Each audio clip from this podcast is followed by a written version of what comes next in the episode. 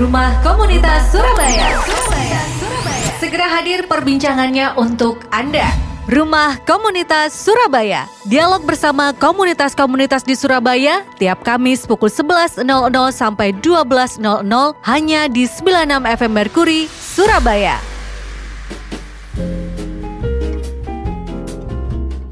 Sembilan nama FM Mercury Info Aktual Lagu Hit. Selamat sore sahabat Mercury. Saya sudah uh, sounding tadi. Kalau di titik 16 sampai 17 Kita kembali masuk di perjalanan Rumah Komunitas Surabaya.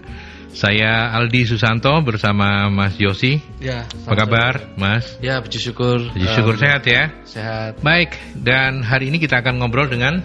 Dengan ini, komunitas yang luar biasa Komunitas sosial Mhm. uh, Yaitu dari Yayasan uh, Ya, ya Bangun Sehat Indonesia. Bangun Sehat Indonesia. Kita harus terbangun terus kesehatan kita mas. Hmm, hmm, Jadi hmm. ini rekan-rekan uh, teman-teman yang luar biasa Karena Hmm. teman-teman ini sudah uh, terbiasa Untuk memberikan uh, ke- kegiatan sosial. Jadi terlebih ke, ke- untuk dinas uh, kesehatan ya medical kepada dari dokter-dokter dan para nakes perawat yang memberikan untuk eh, apa namanya dalam kehidupan sehari-hari ini membantu teman-teman yang Hmm, hmm, hmm. yang tidak mampu gitu teman-teman marginal seperti itu jadi eh, program sosial dari para relawan dokter dan tenaga kesehatan gitu mas Hmm, apalagi hmm, cocok di hmm. masa eh, di kondisi pandemi, ini Hmm. teman-teman ini banyak effort sekali apalagi sekarang katanya banyak rumah sakit udah mulai penuh lagi itu mas makanya ini teman-teman luar biasa bisa mem- iya, iya, meluangkan. Baik. waktunya yang tadinya di rumah sakit mereka udah pada sibuk harus ke sini untuk meluangkan waktu memberikan Baik. informasi tentang YPS. Ada tiga narasumber dari eh, Yayasan Bangun, Bangun Sehat, Indonesia. Iya. Monggo diperkenalkan Mas Josi, Iya, siapa ini saja? ada telah dari ada dua rekan yang berhalangan jadi digantikan tapi eh, dari dari untuk foundernya eh, sorry eh, koordinator YPS ini Bu Firly ya Bu Firly Hmm. Marvitasari ini yang masih bisa hadir di sini.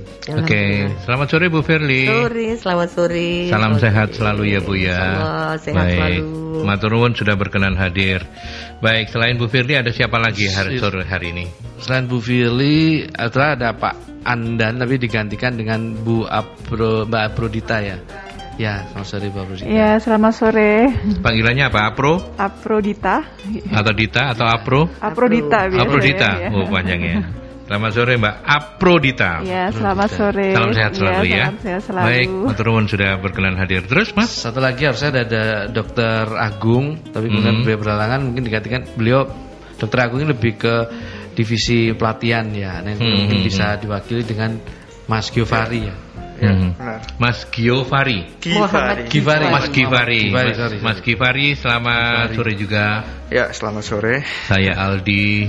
Mhm, apa Saya- kabar? Baik. Baik. Saya di sini menggantikan senior saya, kan kebetulan juga satu univ. Oh, saya.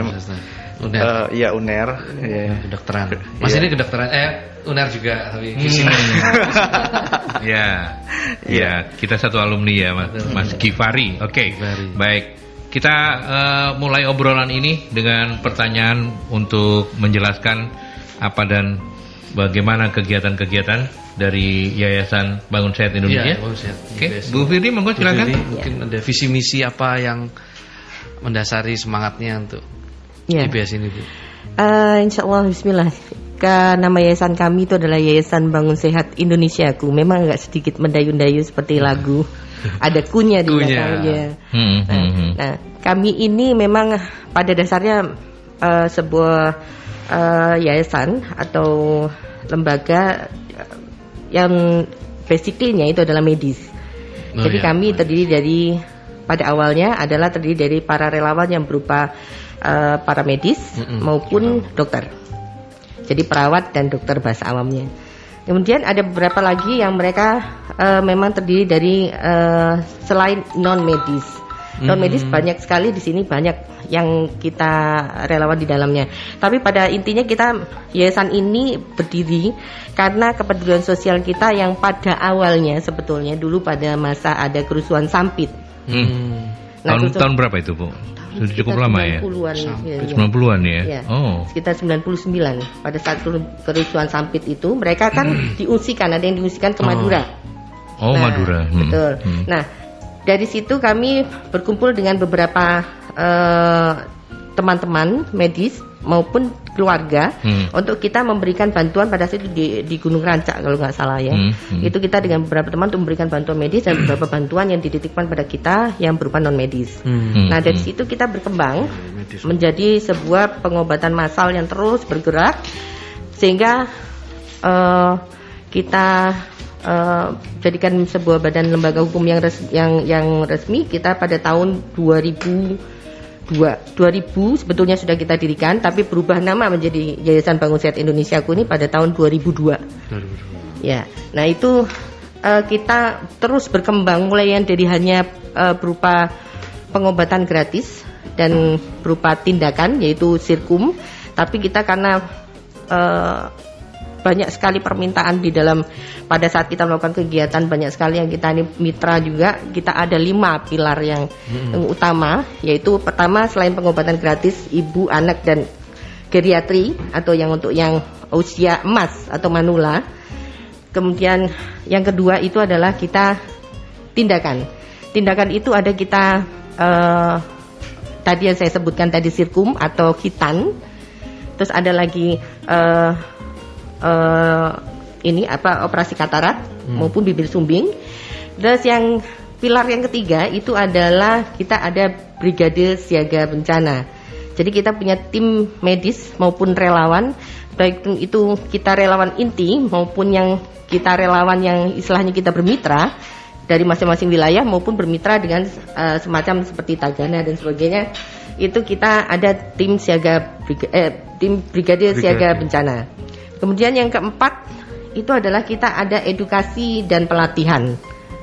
Jadi edukasi dan pelatihan di sini eh, awalnya kita hanya melakukan penyuluhan-penyuluhan kesehatan, Iya.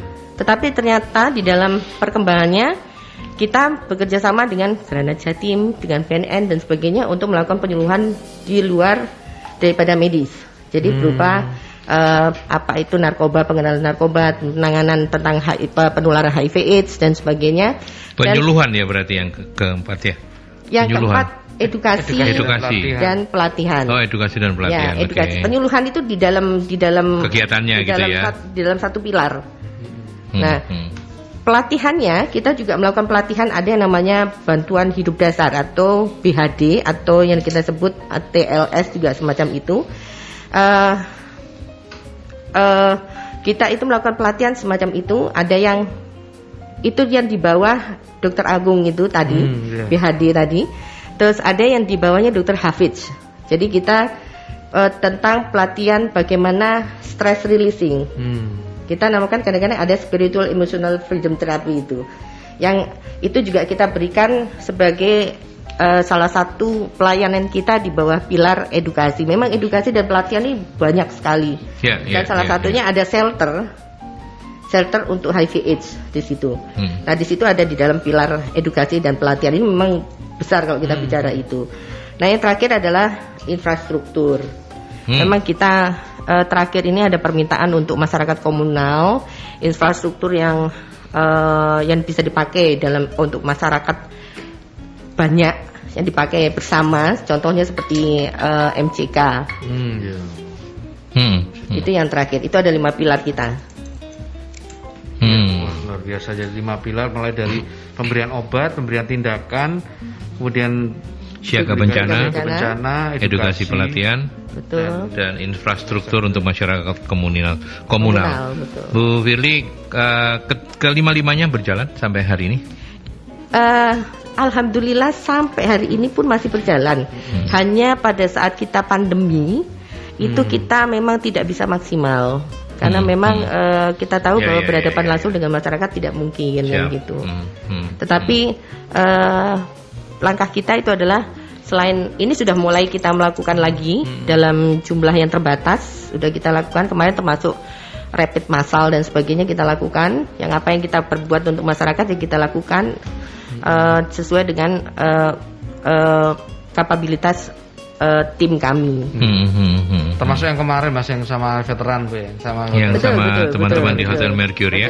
Oke, eh, mungkin bisa cerita juga Bu Firly kan termasuk founder ya Bu ya. Insya Allah. Ada ada ada berapa founder di yayasan ini ketika awal pertama kali dulu dan kemudian eh, ya tadi sudah sampaikan bahwa ini bermula dari eh, kasus Sampit ya. Betul. Ketika banyak orang-orang Madura dipulangkan balik ke Madura dan Betul, kemudian betul. kenapa kemudian terpanggilnya kok kok kok Sampit? Apakah memang ada keterikatan dengan masyarakat Madura atau kebetulan saja itu menjadi pas pas ada itu Pak kok pas Bu Firly dan teman-teman founder ini pengen ketemu, yuk kita bantu yuk. Gimana ceritanya waktu itu? Ya, eh, jadi begini pada saat tahun 99 itu eh, memang eh, kejadian besar yang ada di Mhm, bawah mhm. itu adalah eh, kepedulian kita di Sampit. Sebetulnya bukan bukan ini karena keluarga ini memang kebetulan dokter Hisninya founder kami. Jadi founder Soalnya- jadi kami cerita founder founder ini ada dokter Hisnin Hmm, yang itu- beliau sekarang sedang bertugas di Tanjung Pinang.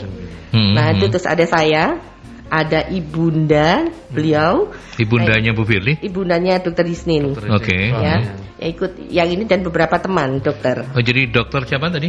Hisnin. Darsya. Hismin itu Hismin eh, suami ibu. Betul Oh. kebetulan suami. Jadi oh ini- jadi kebetulan kadang-kadang nggak ka- ka- kalau salah ya nggak jadi suami gitu ya.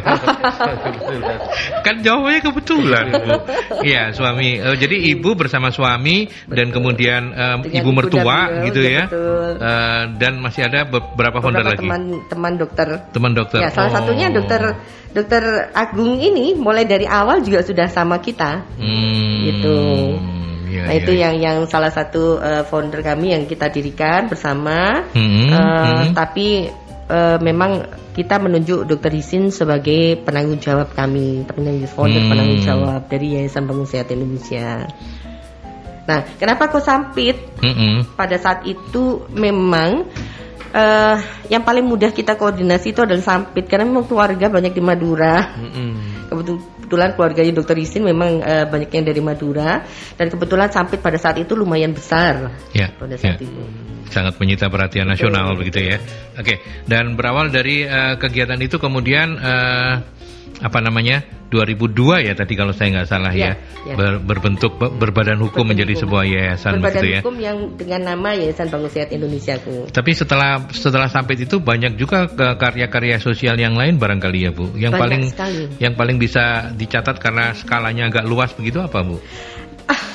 Banyak sekali. Kita juga Banyak ikut sekali di, ya. pada waktu tsunami di Aceh juga kita ikut. Kemudian di gempa Jogja. hmm, hmm. Terus habis gitu kita kalau untuk yang luar-luar pulau banyak sekali. Bahkan kita ke pulau-pulau terluar dari Sulawesi juga kita sudah sudah Oke. ke sana. Di awal-awal itu apakah eh, Ibu juga mengkolek dana dari masyarakat melalui eh, apa namanya? Mungkin Program dari CSR. dimulai dari eh, teman-teman dekat atau seperti apa untuk soal pendanaannya. Gim- Gimana Bu Ya, ceritanya? kami mengumpulkan dana memang eh, permulaan itu berasal dari teman-teman yang peduli dan Yang peduli, dari ya. keluarga. Oh. Nah, Dari keluarga kami selainnya itu membuka batok, gitu, membuka batok. Hmm. Jadi kita mengumpulkan memang dana. Dia pakai batok beneran gitu, enggak toh ya? Nah, dompet. Iya, iya, iya, iya, Jadi, iya, jadi itu eh, kita bersama dengan teman-teman dan keluarga terutama kita melakukan kegiatan itu. Tapi semakin lama semakin besar. Mm-mm. eh, akhirnya kita dipercaya oleh beberapa CSR yang oh, beberapa yang tidak bisa kita sebutkan. Perusahaan ya? Ya perusahaan. Swasta? Ya Oke. swasta maupun BUMN. Oh, ada BUMN juga ya. Nah, itu Hmm, yang hmm. kita eh, untuk mereka eh, bersama-sama menyalurkan bantuan melalui kami.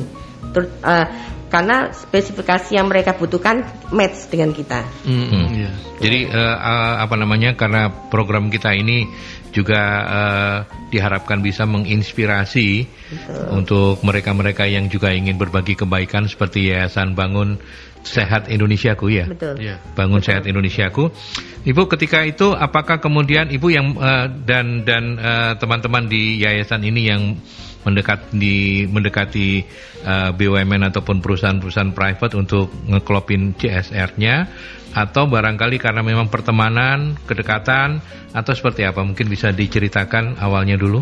Memang semuanya mengalir begitu saja. Gitu ya. Jadi kami pada saat melakukan kegiatan pada awalnya eh pertama kali kita itu di mall-mall di Mhm, pelataran-pelataran seperti kayak square square apa itu yang pojoknya Margorjo itu Oh, Mas Pion Mas Square. Square Mhm. nah itu itu kita akhirnya dari situ mengalir mereka punya teman mereka pengen ingin ini dan sebagainya mengalir begitu saja akhirnya kita membuat sebuah kesepakatan melalui brainstorming mereka pengen ketemu dan sebagainya akhirnya kita match ya Hmm. ketemu ya sudah tetapi ini tidak menutup kemungkinan kemarin dulu seperti kita mau gempa Jogja eh, ada beberapa masyarakat awam Hmm. eh, orang-orang awam yang yang mereka itu ingin ikut berpartisipasi Hmm, hmm, jadi hmm. seperti yang sudah saya ceritakan pada saat itu memang Hmm. kita sedih banget sebetulnya antara sedih bangga dan tidak tahu nano-nano rasanya karena eh, banyak beberapa teman-teman kita yang seharusnya justru kita tolong mereka itu berusaha menolong dengan memberikan bantuan berupa entah itu uang yang seadanya yaitu abang-abang beca dan sebagainya itu mereka ngumpulkan sedemikian dulu mereka cuma bilang saya pengen ikut pengen ikut urun Hmm. apakah boleh Iya, masya. Allah kita terimanya tuh sambil nangis Mm-mm. kenapa Iya, soalnya iya, karena iya, iya, bagi iya. kami ini ini amanah surga kan Hmm, yang kita hmm. bawa jadi kita ya tetap baik-baik kita laksanakan kalau begitu kita berikan apa yang bisa ini kan entah itu obat-obatan atau apa yang pada saat itu untuk persiapan kita berangkat kan Oke, baik. Bu Firly, ada dua eh, teman yang lain yang juga eh, aktif dan ini adalah eh, second layer ya, generasi berikutnya dari Betul, Ibu betul. ya. Eh, Mas. Gifari. dan juga Mbak Afrodita.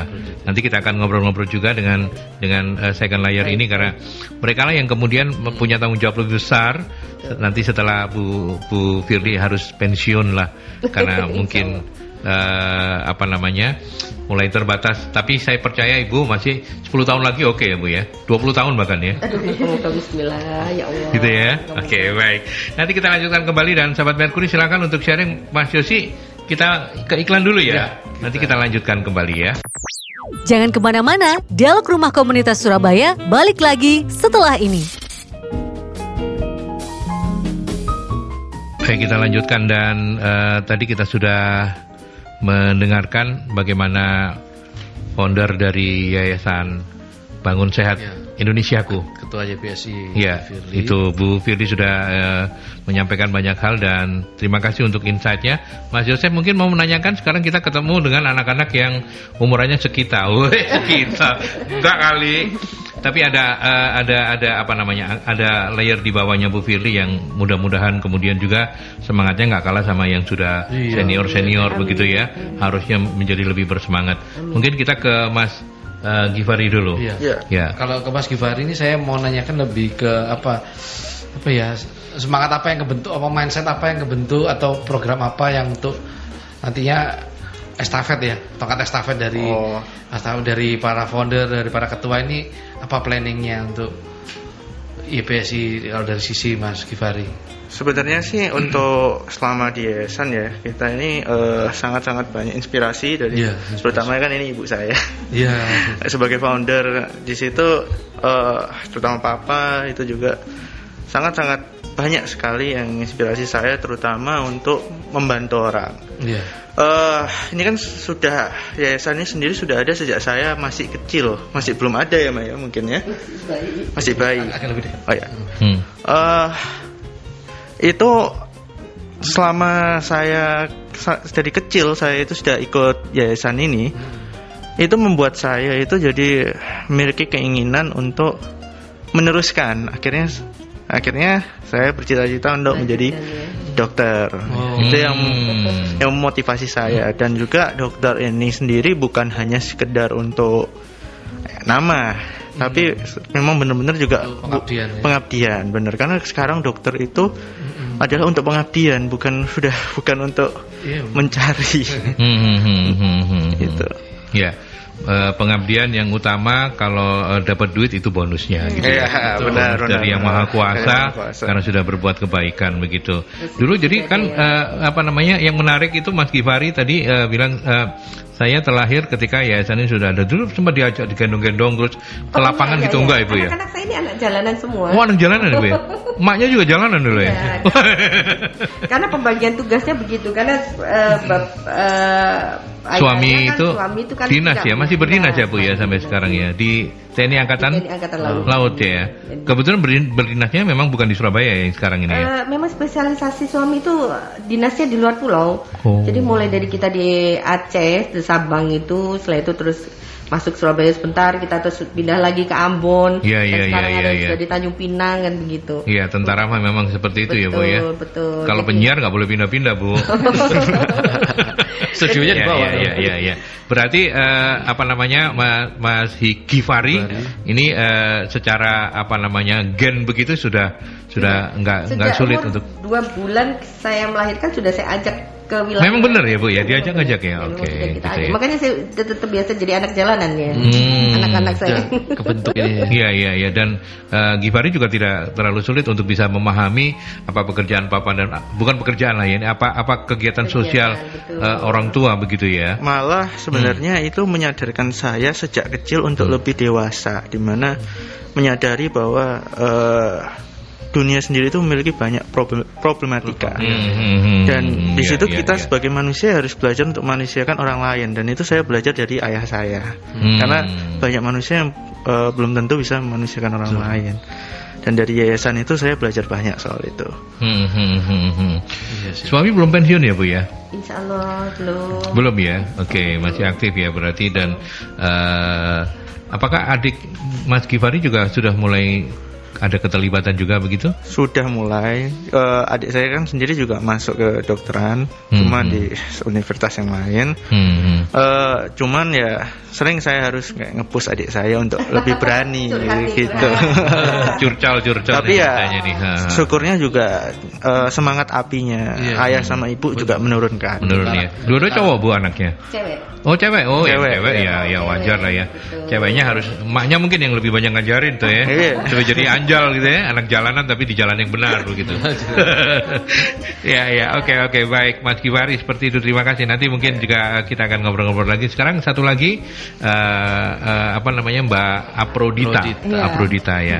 Mbak Mbak Apro gak enak, ya, Mbak Iya. Dita aja kali ya. Iya nggak apa-apa dipanggil Mbak Dita Dit, aja, nggak apa, ka- iya. mulai kapan bergabung atau eh, join di yayasan ini? Eh, kalau bergabung itu saya mulai eh, semester 3 Jadi waktu dulu itu kebetulan kalau di ini saya kan dari UNER ya alumni UNER Hmm. Universitas Erlangga Keperawatan itu untuk mengikuti masuk sendiri ke yayasan YBS itu Hmm. melalui jalur kakak kelas.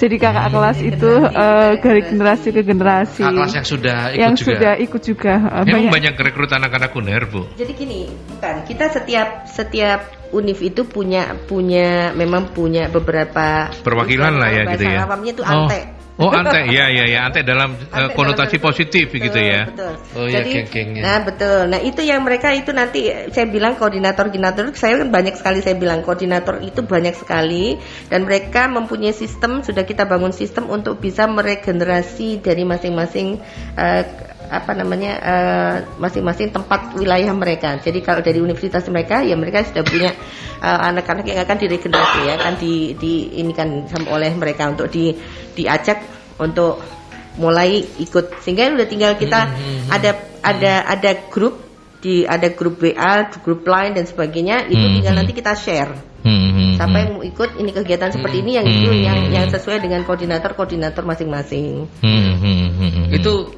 porsinya eh, apa porsinya berapa persen? Artinya orang yang eh, teman-teman yang memang kalau memang dokter memang profesi yang sudah un- untuk pelayanan ya untuk pelayanan tapi dari dari sekian itu berapa persen Bu yang artinya mereka benar apa benar involve ingin terlibat gitu Nah. berapa persen Ibu Betul. pengalaman Memang gini, eh, kalau kita melakukan kegiatan sosial bu- sebuah kegiatan yang sebetulnya non profit, di Iya, mana iya, mereka betul. tidak mungkin tidak banyak, sehingga orang-orang yang tidak punya passion ke situ pun akan nanti lama-lama juga Oh, tidak terseleksi. tidak terseleksi. Nah, tetapi sekali lagi kita ada beberapa beberapa yang kita makanya kita kita membuat yayasan bangun sehat ini seperti keluarga besar, di mana Hmm. kita eh, kita itu set, set biasakan kita sersan, kita kerja itu serius, tetapi setelah itu kita santai seperti Oh, iya. sebuah keluarga. Betul, betul. Nah itu yang kita bilang kenapa kita di dalam lapangan kadang-kadang begitu sangat tegang menghadapi situasi yang tidak memungkinkan untuk kita bisa berleha-leha Contohnya kayak kita di wilayah-wilayah gempa seperti yang di Kelut kemarin kita harus ubur-uburan dengan dengan lahar, Lahar. dingin dan sebagainya karena kita harus mencapai radius yang terdekat dengan dengan dengan eh, kawah di mana di situ masyarakat ada beberapa yang mereka tetap bertahan untuk tidak untuk tidak mengungsi sehingga kita yang berusaha untuk mendekati. Nah itu itu suatu hal yang tidak mudah, tetapi itu kita makanya saya bilang eh, untuk menghindari kita stres yang tinggi, inilah keluarga besar kita ya kita harus saling berbagi. Iya. Problem di dalam problem itu selalu ada, tetapi harus kita selesaikan dengan positif. Saya selalu Yeah. bilang positively itu penting. Kenapa kan di dalam sebuah keluarga kita boleh bermasalah, tetapi tidak boleh diteruskan berlama-lama. Ya, ya, ya, oke. Balik lagi ke perawat kita ini, ya. Eh, S-Cup itu sarjana keperawatan. Iya, sarjana keperawatan. Kalau NS ada belakangnya NS juga. Iya, ada itu untuk ambil profesi seperti kalau dokter itu seperti dokter muda. Oh. Nah, itu profesinya. Nanti kan kalau misalnya sudah lulus itu sudah dilantik nanti ada gelar NS nurse. Hmm, Kalau oh, nurse, nurse. ya, Oh. S-Cup nurse. Iya, iya. Berapa tahun itu kalau dari Oh, dari spesialisasinya. itu eh, bu- bukan S2-nya bukan ya? Bukan, itu ya? S1-nya. I- itu kayak kayak apa namanya profesinya gitu ya Iya, pendidikan betul, profesinya profesi, kayak pendidikan notaris kayak apa gitu ya Iya. sarjana hukum kalau mau notaris ya sekolah Iya notariat betul gitu betul. ya. Kalau misalnya contohnya eh, misalnya apotek farmasi, Hmm, kalau mau iya. apoteker kan ada spesial eh, profesinya dulu, itu baru Hmm. nanti belakangnya ada apoteker seperti itu. Oke, Nah, APT. Eh, dari semester 3 itu berarti tahun berapa kamu Dari di, semester ada di tiga, eh, 2015 ya. 2015 sekarang 2020 oh sudah, Sudah lama, lama, ya. ya. Sudah, Iya. sudah generasi yang kesekian, Kesekian. dari dari, iya, dari iya, iya, senior iya. seniornya. Hmm, hmm, hmm. Nah termasuk Iya. yang Mas Andan itu senior kita sekali Hmm, itu banget. iya. Jadi sehingga kita jadikan penanggung jawab koordinator eh, para medis. Ya kebetulan dokter gitu Ibu ya. Bukan, Oh, bukan kan ya. Ya, nurse. Perawatan. Oh perawat juga ya. Oh senior, senior Anda gitu ya. Iya. Kedokteran senior. kampusnya di kampus A, kalau perawat di kampus C gitu kan. Oh di kampus C ya? Iya di kampus C, Oh. Kan belakangnya rumah sakit. nempel sama rumah sakit. Ini kebetulan Oh. hari ini yang yang Hmm. bisa ngumpul yang memang dari UNER kebetulan karena yang Mbak siapa lagi yang satu ini lagi? yang satu lagi Hesti juga sama Hesti? dari nurse dari UNER. Dari UNER. Dari Apa UNER sih juga. kalau Masih Oh. proses pengambilan eh, profesi. Oh, Ya. enggak maksudnya fakultasnya apa? Sama keperawatan. Oh, keperawatan Keperawatan. juga. Oh, Mbak Esti. Oke, oke, oke. Baik, baik. Yuk kita ke penelpon ya. Selamat sore Merkuri. Eh, selamat sore. Ya, silakan Mas Dewa. Ya, Mas Aldi. eh yang menang nomor berapa ya tadi ya? Eh, sorry, sorry. Ini, eh, saya tanyakan adalah tentang yayasan ini. Hmm. Apakah kalau gabung saya tadi sepertinya tertarik, tapi kok setelah beberapa kok harus orang-orang terkenal dan orang-orang pinter saya jadi minder dan saya balik kanan lagi. Hmm, Iya.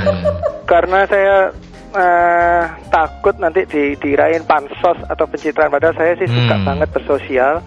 Tetapi non sewu saya memang nggak pernah ngeluarin materi, tapi saya lebih ke Tenaga.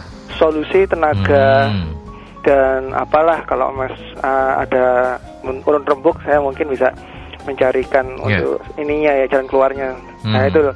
Tapi kalau mainnya terus adalah yang salah satu yayasan yang besar yang eh, inisialnya Rotary ya. Eh sorry, itu kan harus orang kaya gitu loh. Jadi kan saya juga, aduh, terus dikit-dikit ditarik ini, walaupun memang kita mampu sih, tapi kan ada ke- kecemburuan nanti yang aku gak bisa bayar nih lagi banyak utang ya. Itu akhirnya "Eh, aku tak keluar wis. Nah itu kan, apakah seperti itu kalau mau gabung? eh, eh, apakah juga seorang yang donatur dulu baru dijadikan ini anggota terus dimasukkan grup atau gimana? Itu yang pertama. Yang kedua tentang eh, profesi dokter. Nah, saya terkritik sama dokter ini, Pak Dokter ini.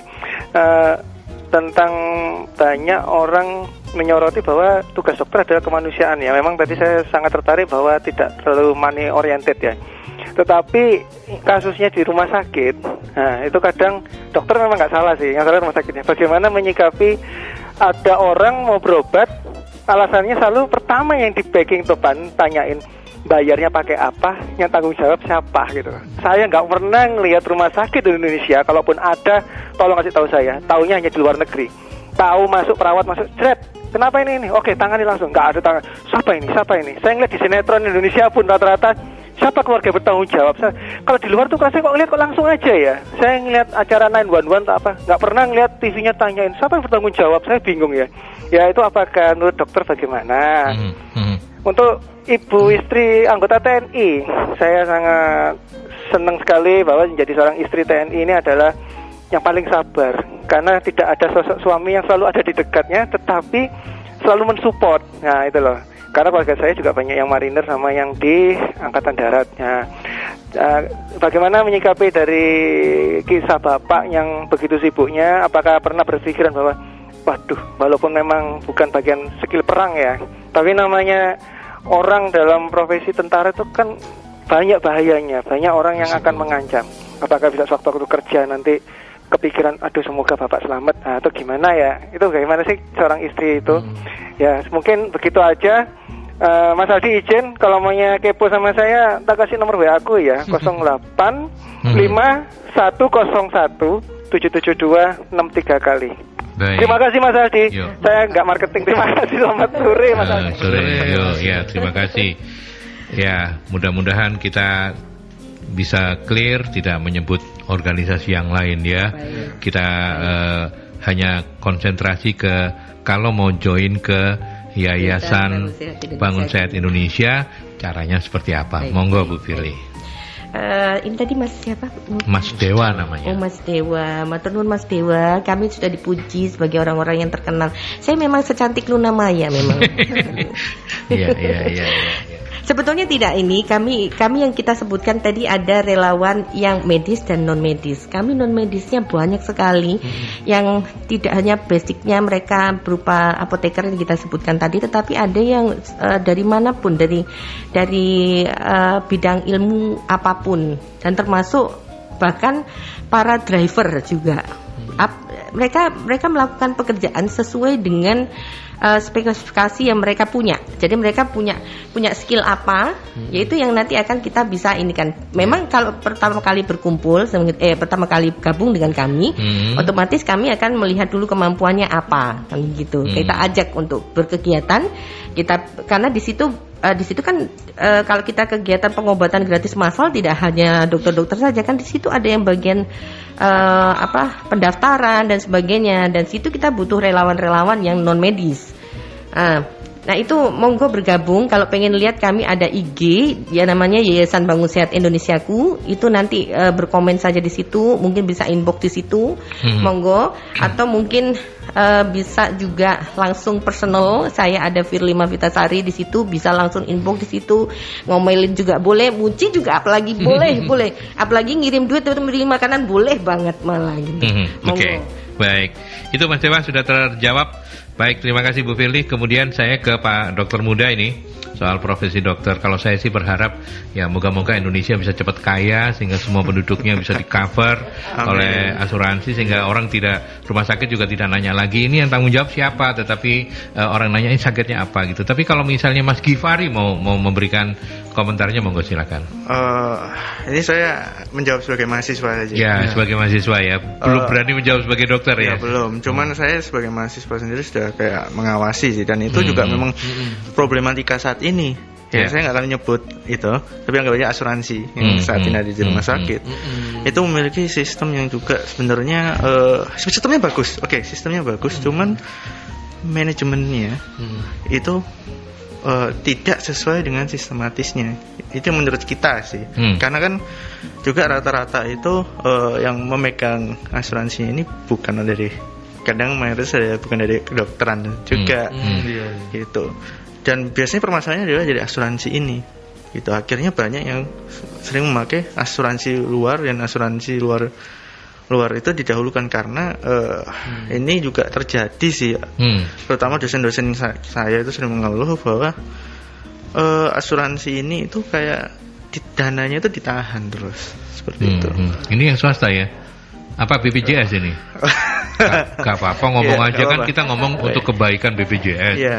Boleh. Ya, ini sebenarnya BP, BPJS. BPJS ya. BPJS. Iya, iya, Akhirnya iya, lebih iya. banyak yang diutamakan tuh yang swasta. Hmm, hmm, hmm, Tapi ya. boleh saya tambahin satu. Mhm. Jadi sebetulnya Mas Dewa itu kalau kita bilang uh, seperti film 911, semua film itu kan memang harus ada ada nilai plusnya. Jadi seperti kayak di hiperbol begitu.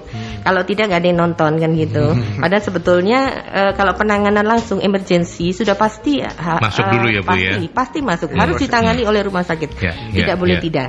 Nah Hmm. mengenai apakah nanti ada pembiayaan-pembiayaan yang merupakan side effect daripada penanganan itu kan harus dikonfirmasikan pada keluarga masing-masing. Apabila masih bisa di cover ya akan tetap di cover oleh eh, rumah sakit. Itulah kenapa di situ memang eh, memang ada ada ada nilai plus dan ada nilai minusnya daripada BPJS ini sendiri Hmm, sebenarnya itu hmm. untuk covering pada masyarakat termasuk Ya, ya, Uh, LSM LSM ya. seperti kita termasuk ada beberapa orang yang memang uh, yaitu tadi karena di dalamnya ada Hmm. donatur-donatur dan sebagainya Ya, untuk ya, ya. untuk kita berjalan beriringan karena kalau hanya uh, satu sisi saja berjalan tidak mungkin. Ya, ya, nah, memang ya. ada beberapa sistem yang memang ada peralihan yang sulit sekali untuk di, di, uh, di- dimainkan oleh masyarakat ataupun dipahami atau di, dilaksanakan dalam peralihan uh, sistem uh, bantuan-bantuan medis itu Mhm. yang yang ya memang harus sabar sabar Ya, memang moga-moga Allah memberi jalan untuk bisa Hmm. terus tertolong gitu. Moga-moga Indonesia menjadi lebih baik setelah ini. Baik, amin. terima kasih.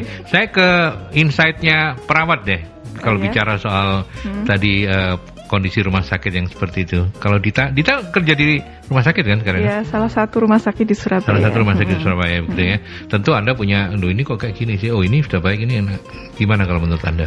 Eh, sebenarnya sih kalau di rumah sakit sendiri ya mas, eh, mas ya. Hmm. Jadi kalau misal ada pasien datang itu memang kalau lewat IGD memang sesuai triase ya, Hmm, eh, hmm, berdasarkan keparahannya. Hmm, Kenapa hmm, kita selalu menanyakan siapa penanggung jawabnya? Karena Hmm. ketika nanti akan dilakukan suatu tindakan, Tindakan tertentu, medis, harus kan ada eh, ya. ya harus ada eh, istilahnya inform consent. Siapa Hmm. yang bertanggung jawab, terus informasi apa kan informasi apa yang harus kita berikan kita edukasi ke keluarga karena di rumah sakit itu prinsipnya adalah yang tahu kondisi pasien itu hanya boleh keluarga inti Hmm. jadi seperti eh, sepupu jauh Hmm. itu eh, dilarang ya kalau Hmm. bukan dari persetujuan keluarga inti itu kita tidak akan memberikan informasi tersebut jadi Iya. kenapa alasannya kalau setiap kali masuk rumah sakit Ditanyain dulu ditanyain dulu "Ah, jawab." itu karena tujuannya itu untuk merahasiakan kondisi pasien itu sendiri kan Oke. takutnya kan nanti ada yang uh, gimana-gimana gitu Hmm. disebarluaskan kan itu kan juga merugikan pasien ya, sendiri bisa jadi kan. aib begitu ya. Iya. Tapi Dit, kalau uh, bicara soal secara umum begitu ya, menurut Anda sendiri a- apa sih yang kurang dari pelayanan kesehatan? Tadi Mas Gifari sudah menyebut soal BPJS yang seperti itu kurang lancar Hmm. pembayarannya. Kalau Anda sendiri melihat uh, apa yang kemudian pemerintah, baik pemerintah daerah maupun sampai di pusat lakukan harus lebih baik untuk pelayanan kesehatan? Menurut Ya, Anda? Kalau saya sih hampir sama ya kayak uh, Mas Gifari ya karena memang Nggak boleh nyontoh. Oh. kalau memang saat ini tuh eh, kalau pengalaman saya di rumah sakit itu setiap pasien itu ada plafonnya. Plafon tuh maksimal berapa yang ditanggung oleh BPJS itu sendiri ya karena kayak tindakan-tindakan besar otomatis kan memiliki dana besar. Jadi biasanya seperti itu kita konsulkan dulu di BPJS itu apakah misalnya perlu tindakan operasi A, B, C, apakah ACC. Kalau misalnya tidak kan otomatis nanti kita carikan jalan lain bagaimana entah itu keluarga sendiri yang membiayai atau misalnya dari asuransi lain seperti itu. Oke, gitu ya. Baik, sebelum saya break karena ini amanah, saya ke balik ke Bu Firly. Jadi istrinya tentara, tadi sempat ditanyakan.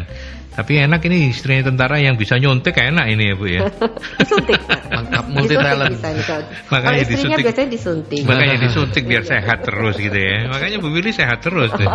silakan Bu, silakan. Iya, jadi kami sejak awal menikah dengan suami sangat sadar bahwa suami kami adalah eh, seorang TNI di mana eh, seorang TNI ini memang lebih banyak dituntut untuk bisa memberikan sumbangsih yang lebih daripada Ya. masyarakat pada umumnya Hmm. di mana kami harus siap, harus siap eh, berpisah keluarga dan sebagainya.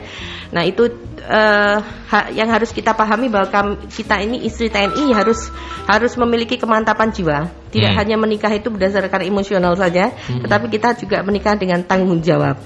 Hmm. Kenapa? Karena pada saat-saat level-level tertentu kami pun akan memimpin sebuah eh, sebuah abad pada level-level tertentu kita punya anak buah yang di mana mereka juga butuh support Hmm, untuk iya. keluarganya butuh support di mana mereka harus eh, suaminya harus berjauhan, bahkan di perbatasan-perbatasan yang mereka sulit sekali untuk berhubungan satu sama lainnya Hmm. ya begitulah ya, ya itulah yang kenapa kita harus memberikan kita harus menguatkan diri dan menyadarkan diri bahwa kita ini memang adalah seorang eh, ibu seorang istri yang harus menguatkan suami Hmm. me- mendidik anak-anak dengan baik menjaga harga diri harkat Hmm. kehormatan dan Hmm. sebagainya untuk bisa kita menjalankan dan membantu tugas suami Mhm. itu yang paling utama Oke. ya Ya, baik.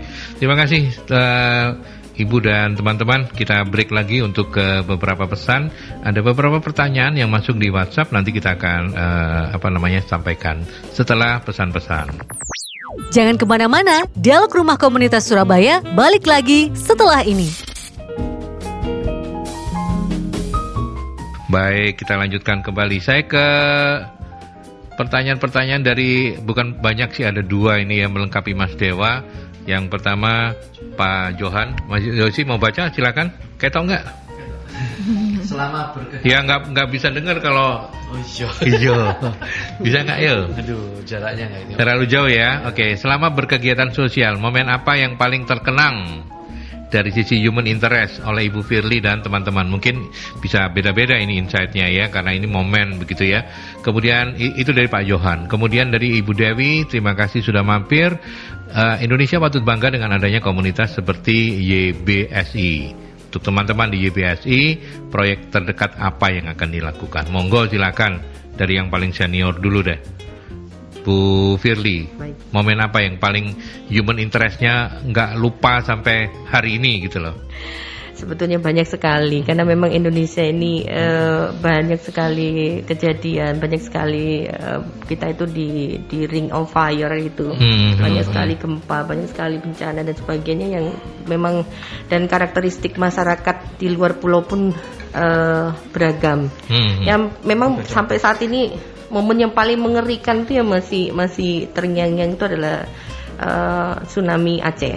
Tsunami Aceh ya. Memang Paling ekstrim tuh, Bu. ya. paling ekstrim pak karena memang Hmm. sebetulnya kalau memang soal kalau di tempat bencana di situ ada jenazah dan sebagainya itu biasa tapi yang paling ekstrim itu memang memang di Aceh karena pada satu memang tidak ada penerangan sama sekali juga gelap dan dan eh, kondisi jenazah juga bergeletakan saking banyaknya ribuan dan sebagainya kita susah sekali untuk ini dan pada saat itu tidak hanya bau saja tetapi mencekam kita kita juga harus eh, eh, ini juga eh, apabila ada ada gempa susulan atau ini Hmm. kita takut sekali memang pada saat itu Berapa berapa sempat berapa lama di lokasi ke ke Acehnya Bu Firly? Be- beberapa bulan Oh. tetapi memang Stay di sana? Iya, ya Oh. istilahnya saya saya mengkoordinasi tim. Jadi ya. harus harus eh, tim ini kan tidak semuanya stay di situ terus menerus kan. Ya, Kita ya, harus ya, ada ya. rolling kan begitu. Rolling, betul, betul. Kalau tidak mereka stres, depresi Jenuh, sehingga- jenuh. Iya. bukan hanya jenuh, tapi depresi. Bahkan mereka pulang dari situ banyak yang eh, depresi sehingga mereka sulit tidur bahkan teriak-teriak. Oh, gitu ya? Bahkan Karena lebih- kondisi jenazah kan kadang-kadang hilang bagian anggota tubuh dan sebagainya dan kondisi Dan itu menjadi pemandangan sehari-hari gitu ya Bu Firly ya? Itulah. Oke oke ya ya ya. Oke itu kalau dari Bu Firly ya. Oke eh, teman-teman yang relatif masih muda saya ke Dita dulu deh. Dit kalau kamu sepanjang join sama YBSI ini apa momen yang human interestnya paling rasanya eh, nggak bisa lupa gitu. Eh, hmm, apa ya mas? Banyak sih sebenarnya tapi salah satunya adalah karena saya di bidang pelayanan ya. Hmm. bertemu langsung dengan eh, pasien orang awam. Itu yang momen yang paling saya ingat itu adalah ketika keterbatasan bahasa menjadi penghalang kami untuk memberikan edukasi. Seperti misalnya obat ini harus diminum kapan Hmm. terus cara minumnya bagaimana. Itu waktu itu sepertinya di daerah yang banyak eh, mohon maaf kan saya kan eh, saya- asli Jawa ya jadi saya kurang paham dengan bahasa 35. Eh, eh, ya. Oh, Belum, tiga lima iya, toh. Iya, eh, Eh, jadi, jangan bater-bater ada Bu Firly 35 toh. iya, jadi untuk menjelaskan bagaimana ini obatnya harus diminum, efeknya Hmm. apa untuk apa aja itu kami membutuhkan translator yaitu dari waktu itu waktu di Ponpes ya, jadi anak-anak Ponpes Iya, itu sendiri. Jadi bagaimana caranya saya memberikan edukasi, Tantangan ya, iya Hmm, betul hmm. sekali dengan benar dan bagaimana agar eh, masyarakat itu tidak salah dalam mengkonsumsi obat, tersebut. Betul. Ya betul. Karena itu bahaya banget begitu ya. Iya, betul. Oke, kalau Pak Dokter Muda ini apa? Mahasiswa kedokteran sih bukan Pak Dokter muda ya. Apa Mas Kifari kalau Anda ada pengalaman yang Eh, ya, human interestnya paling nggak bisa kelupa gitu? Sebenarnya ada beberapa sih, cuman Hmm. yang paling berpe, po- melekat di pikiran saya itu salah satunya saat ada di Pulau Run. Hmm. Itu salah satu pulau di Malu, iya Maluku, Maluku, Mas. Hmm. Maluku dan Pulau perja- terluar. Maluku. Ter- termasuk perjalanan ke keluar, sana itu Hmm. sendiri memakan waktu itu seharian ya, seharian penuh, Ya. seharian penuh dan sudah sempat terjebak juga di sana satu minggu lebih. Terjebak apa nih? Terjebak nggak nggak bisa balik ke Ambon waktu itu kan dari Ambon kan? Karena karena ada gelombang. badai. Oh, Badai ada. gelombang ya. Ada gelombang tinggi jadi nggak bisa pindah. Jadi selama di sana itu ya saya juga eh, belajar bagaimana kok yang yang harus saya salut itu dokter spesialis mata ya waktu siapa mah? Eh dokter Dokter Yogi juga ada. Iya, dokter- spesialis opsinya juga ada. dokter spesial yang Oh, paling- dia ada beberapa dokter. Iya ada beberapa dokter saat itu. Hmm. Saat itu saya masih jaga kayak pendaftarannya. Dan Anu, karena masih waktu itu Oh, karena masih- tugas kampus juga. bukan SMA. masih SMA waktu itu Oh, saya. Masih SMA ya. masih SMA dan saya saat itu saya itu melihat itu eh yang terutama yang mata itu sangat banyak sangat banyak eh, ini apa namanya katarak operasi Oh, katarak Iya, Eh, katarak. itu sehari bisa seribu orang ya kalau nggak salah waktu itu Banyak banyak banyak sampai sampai rumah sakit itu penuh Hmm. dan kacamatanya itu sampai habis Mm, Stok stok frame-nya. Eh, dan itu dalam sehari seribu Roni itu ya, dokter Roni ya Iya iya iya. itu iya. itu yang eh, salah satunya membuat saya terkagum sih Hmm, hmm, hmm. Terus sisanya sih yang paling melekat juga saat Perjalanan ya, per- ya. perjalanannya, adventure-nya, pengalaman di sana saat terus akhirnya membuang waktu mencari salmon. Iya, Karena- perlu untuk Karena anak nggak bisa ke mana-mana gitu Iya, ya. karena juga bisa sama untuk anu, Karena pulau sama untuk anti stressingnya, gitu, Heeh. anti stressing. Dan di sana itu juga yang menarik, paling menarik di Pulau Run itu itu ada mangga, tapi mangganya bisa dihisap, jadi nggak digigit. Betul lagi dia. Jadi mangganya Jadi itu dalamnya cair gitu. iya kayak kayak jelly. Kalau makan Oh, begini jadi- kan diputer-puter begini. Oh. Bener kayak jelly itu mangganya. Itu kok luar biasa kekayaan alam kita sana memang ya. ada kita makan nasi. Jadi di sana itu Jadi, hmm. nasi itu adalah kemewahan. Telur juga kemewahan karena dia pulau yang kecil sekali cuma macam kayak satu kecamatan saja. Hmm. Tapi mereka menggantinya dengan pisang. Jadi sana itu ada pisang daging Hmm. gitu. Jadi hampir kayak kepok tapi keras begitu. Itu yang untuk mereka makan. Hmm.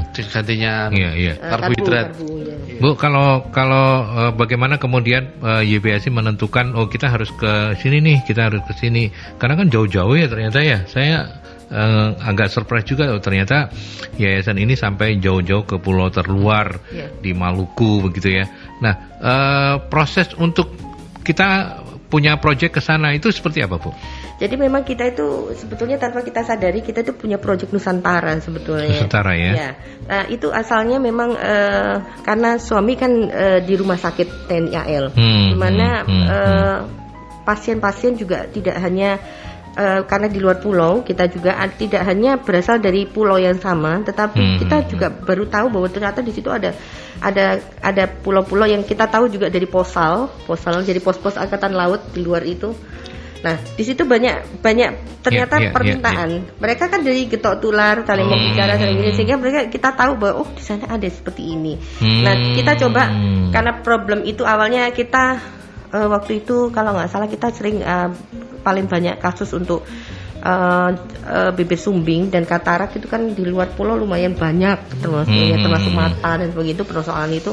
Nah, itu mun- eh, sehingga mereka minta tolong ke wilayahnya masing-masing. Hmm, hmm, Nah dari hmm. situ kita tahu, oh ternyata ada wilayah ini luar biasa. Oh, oke. Jadi kita dari dari Ambon ke Banda Neira saja sudah dengan kapal cepat 6 jam. Hmm, Kemudian hmm, menuju ke hmm. arah Run itu sekitar 3 jam dengan kapal. Luar biasa ya.